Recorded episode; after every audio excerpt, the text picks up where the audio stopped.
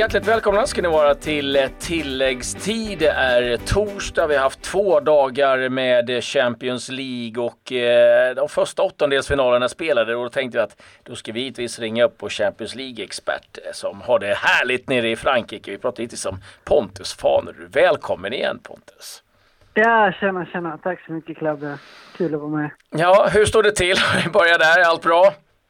Ja då, allt är bra. Allt är bra framförallt när, när Champions League har kört igång igen. Så då är det helt fantastiskt. Eh, åtta, åtta matcher här på två veckor, eller en vecka. Så att, eh, många kanonmatcher, många fina spelare, många fina prestationer. Så att, eh, bara fint, bara fint. Mm, om vi börjar då med de matcherna som var igår. Och kan väl eh, Eh, någonstans hamnade ju huvudfokus givetvis eh, Sevilla, Manchester United. Det slutade 0-0. Vad är dina intryck av matchen? Uh, högt tempo och intensiv match. Uh, kul att Lindelöf fick starta. Uh, höll nollan. Kanske mycket tack vare De Gea som uh, mm. briljerade där på ett par uh, svettiga räddningar.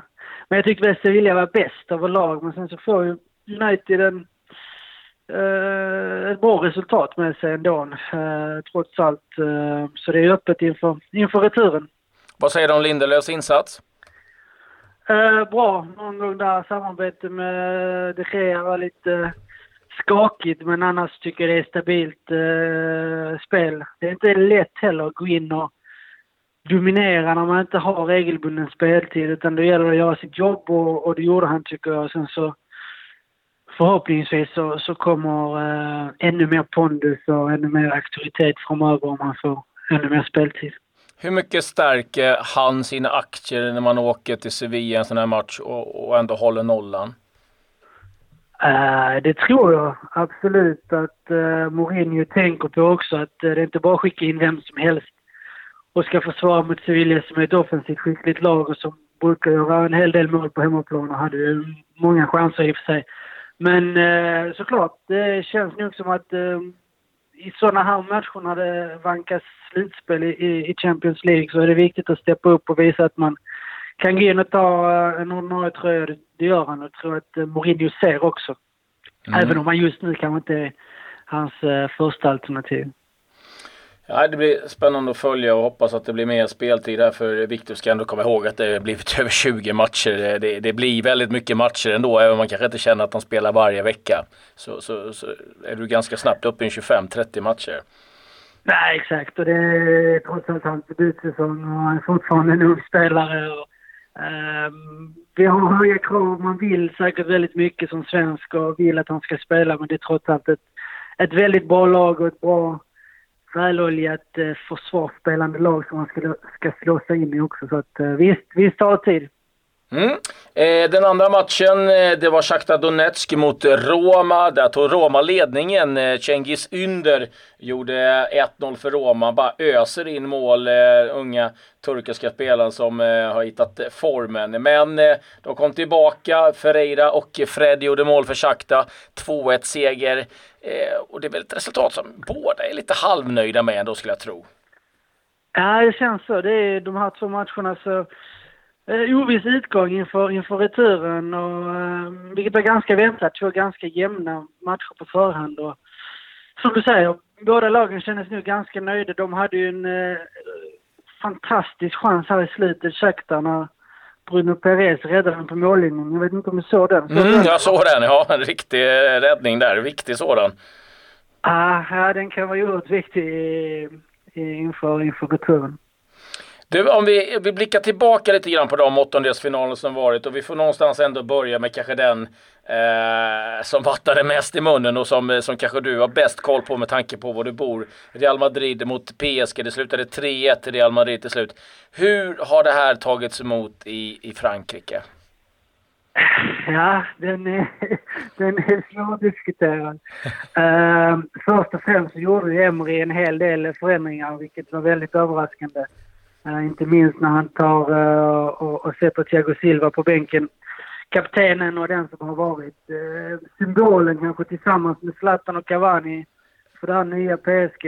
Uh, sätter han på bänken i den viktigaste matchen för, för säsongen och det är klart att det det skapar lite eh, frågetecken, absolut. Jag tror att eh, omklädningsrummet känns inte helt tryggt efter, efter att han efter att han eh, gjorde det valet, sätta Thiago Silva på bänken. Och det finns ju den här brasseklanen och Neymar och Precis. Dani Alves. Så det är klart att han, han måste hålla alla nöjda. Så det, det, är ingen, det är ingen lätt situation. Och Kim Pembe är lite inblandad i tredje målet också. Så att, jag tycker sådär coaching, laguttagning och sen så tar han ut Cavani när det står 1-1. Inte bra heller. Och sätter in Meunier där på, på högerkanten och Asensio kommer in för Real och har lekstuga och gör två. Så att, Ja, eh, så där för Emry. Han har nog eh, sista chansen här mot, eh, mot Real i returen för att, eh, för att eh, ha kvar sitt jobb tror jag. Vad var hans förklaring till att bänka? För även Di Maria blev ju bänkad och givetvis då Thiago Silva. Vad var hans förklaring till det här då?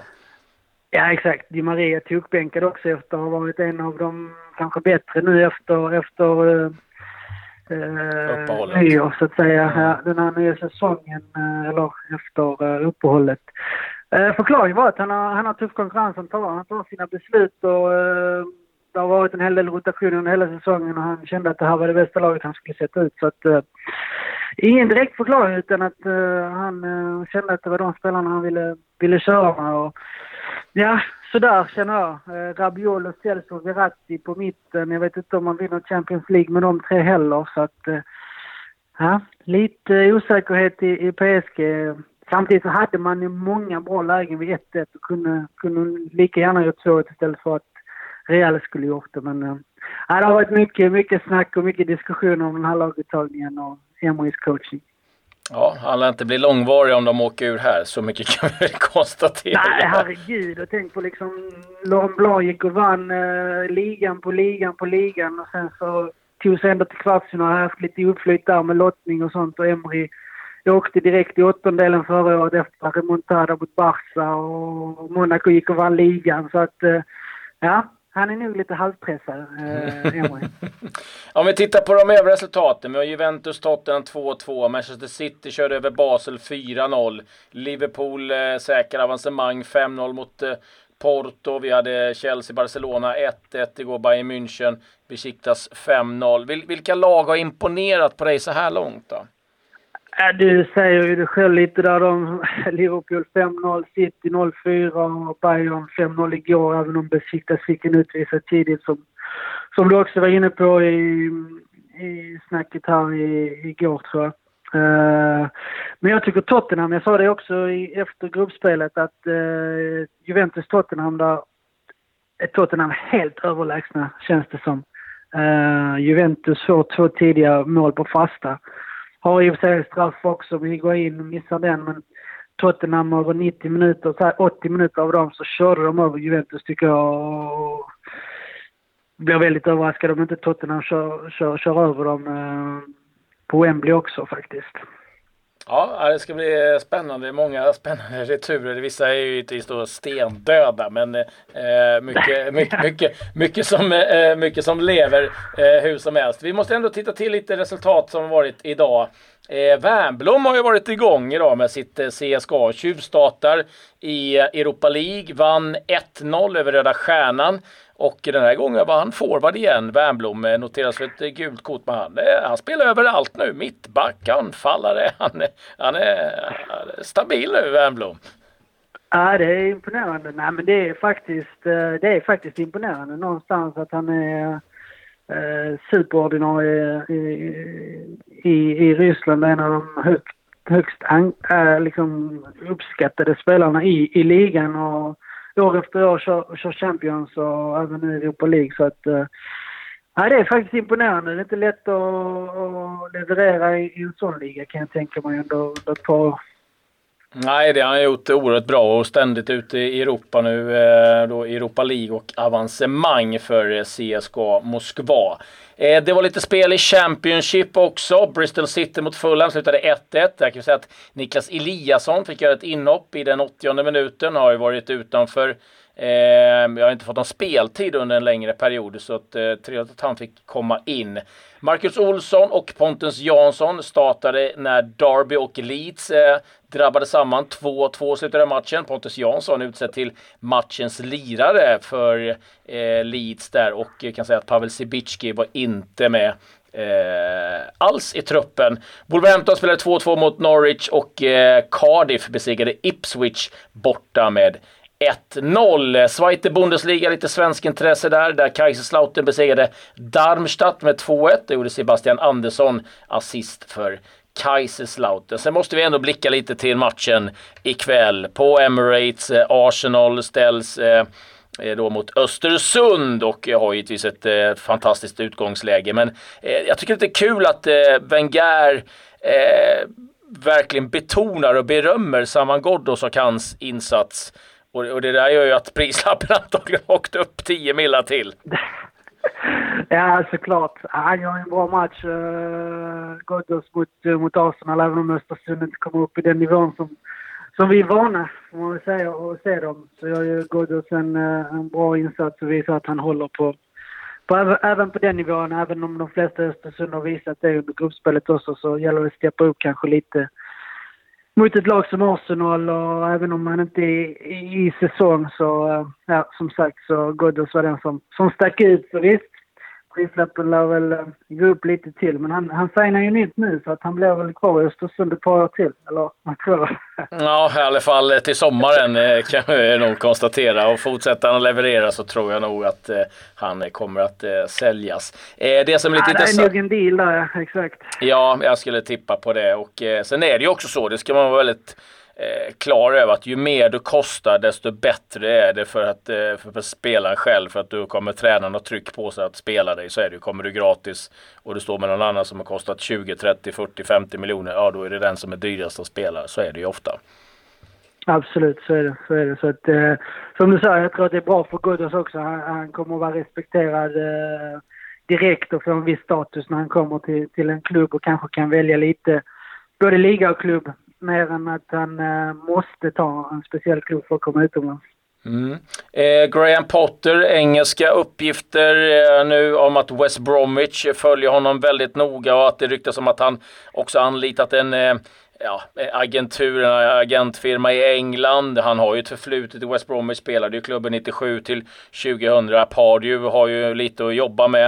Eh, både vad det gäller spelare som eh, ja, eh, uppenbarligen är ute och snor taxi i Barcelona eh, vid McDonalds eh, på mm. sena natter. Det är att sparkas eh, VD och vice VD. Så att, eh, vad tror du om Potter? Hur, så, vad är din magkänsla hur länge han är kvar i, i Östersund? Ah, jag tror att han, han har varit så tydlig hela tiden. Så att jag tror att han absolut stannar under under den här allsvenska säsongen. Sen, så beror, sen tror jag att det beror på hur det går för Östersund.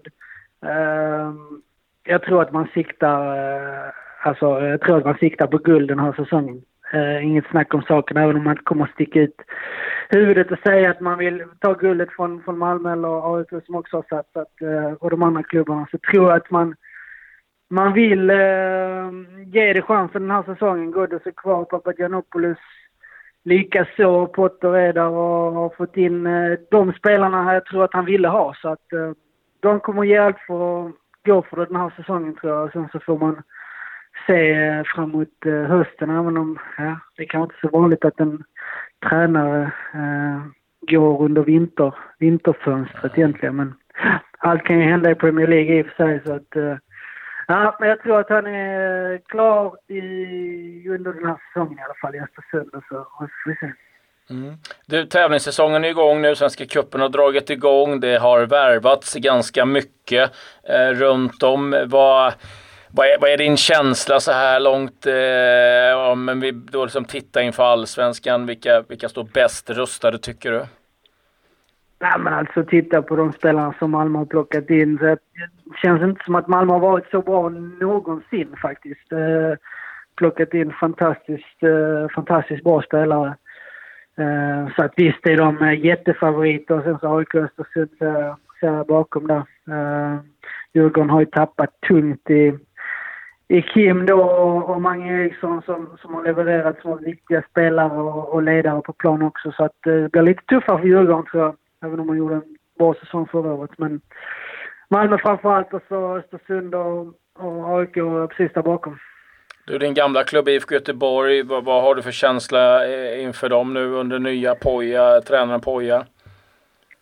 Känslan är väl bra att man eh, börjar om någonstans och, och försöker ja, eh, se långsiktigt. Även om det inte är lätt i en klubb som IFK Göteborg så, så måste man det. Och förhoppningsvis är, är, är, det rätt väg att gå. Är, är det nu rätt väg att gå så, så måste man ha känner man att det är rätt väg och det fungerar, även om kanske inte man kommer vara topp tre och vara högst upp så, så, så, måste man ha tålamod. Så att det är en såklart tuff, tuff situation för Blåvitt och eh, sänka ribban lite och kanske ja, se långsiktigt, vilket jag vet att många supportrar har svårt för i, i, i Göteborg. Men uh, jag hoppas verkligen att uh, ja, kanske inte nu, men, men framöver om ett par år att uh, Blåvitt ska vara där uppe igen och alltid vara högst upp och fighta som de ädlaste medaljerna. Mm. Ja, det blir otroligt kul att eh, följa Svenska Cupen och Allsvenskan. Det lär säkert träda in eh, något nyförvärv till också i någon klubb. Jag kan tänka mig att Superbosse sitter och ruvar på någon, eh, på någon bomb här någonstans. Men Pontus... Ja, det är väl ett par svenskar. Ja, det är väl några svenskar som har varit lite på väg hem och sådär. Så att det är ja. inte omöjligt att det blir någonting innan, innan det är dags att köra igång. Ja, vi får, vi får hålla utkik efter det. Du, stort tack Pontus att du tog dig tid och eh, yes, tack eh, får du söka jobbet som PSG-tränare efter att Emery har, har fått dojan. Ja. ja, då är man klar i alla fall. ja, precis. Det bara ställa sig i kö. Det är många som eh, står där. Eh, Ja, eh, stort tack och vi är som sagt tillbaka imorgon igen eh, med eh, tilläggstid. Vi säger tack och, och hej med det.